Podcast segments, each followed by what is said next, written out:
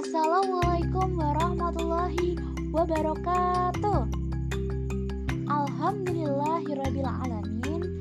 Wassalatu wassalamu ala asrafil anbiya wal mursalin Muhammadin wa ala alihi washabihi ajmain.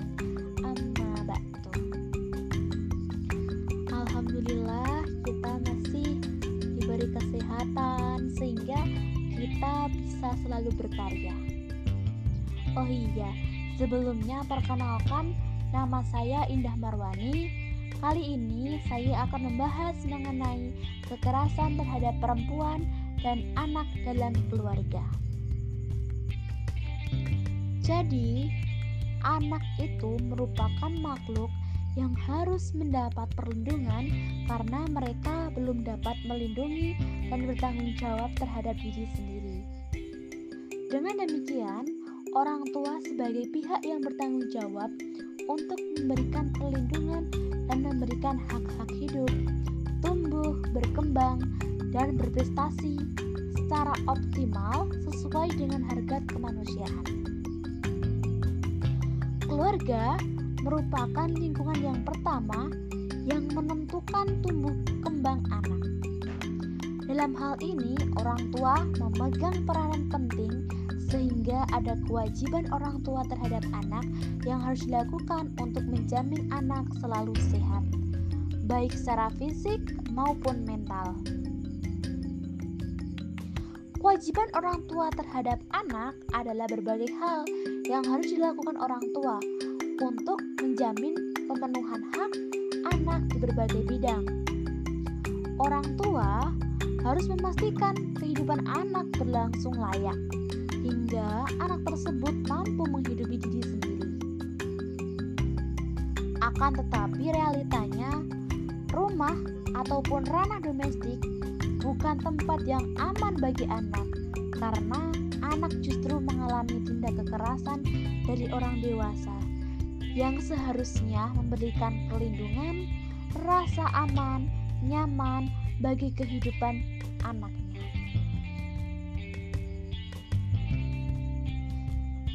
Kewajiban orang tua terhadap anak diatur di dalam Undang-Undang Nomor 35 Tahun 2014.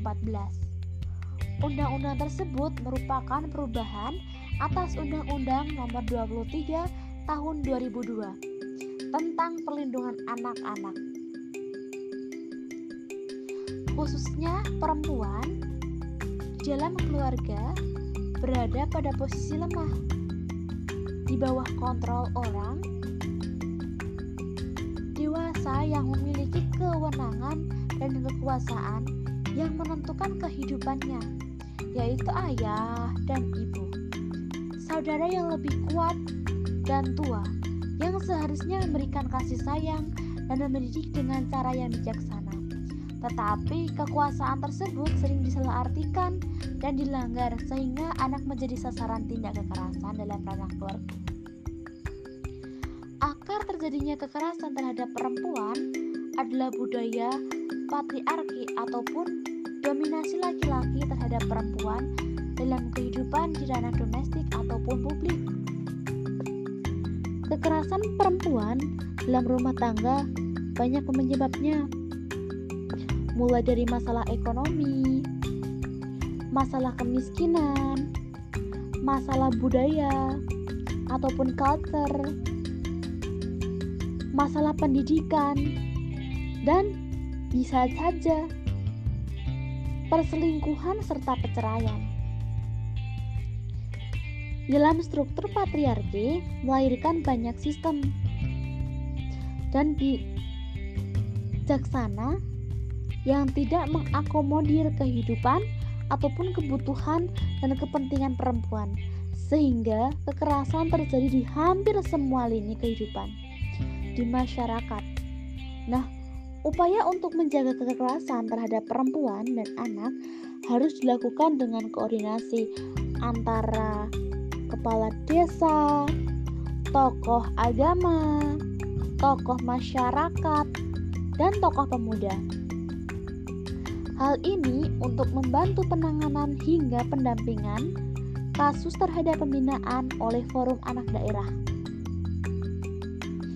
Seorang anak harus mendapatkan pendidikan yang baik dan sama dengan anak-anak lainnya, termasuk pendidikan yang ada di agama dan akhlak-akhlak yang baik dan benar sesuai dengan tuntutan agama Islam. Diriwayatkan oleh Al-Baihaqi dari kakek Ayub bin Musa Al-Quraish dari Nabi Shallallahu Alaihi Wasallam bersabda, Tiada satu pemberian yang lebih utama yang diberikan ayah kepada anaknya selain pengajaran yang baik. Ini bermakna kewajiban orang tua terhadap anak ada hal yang utama untuk mengajarkan kebaikan serta memberikan pendidikan yang baik untuk anaknya. Baik dari mendidik di dalam Islam, namun juga duniawi. Nah, jadi peran keluarga ataupun peran orang tua untuk saling menjaga itu sangat penting. Sekian yang dapat saya sampaikan.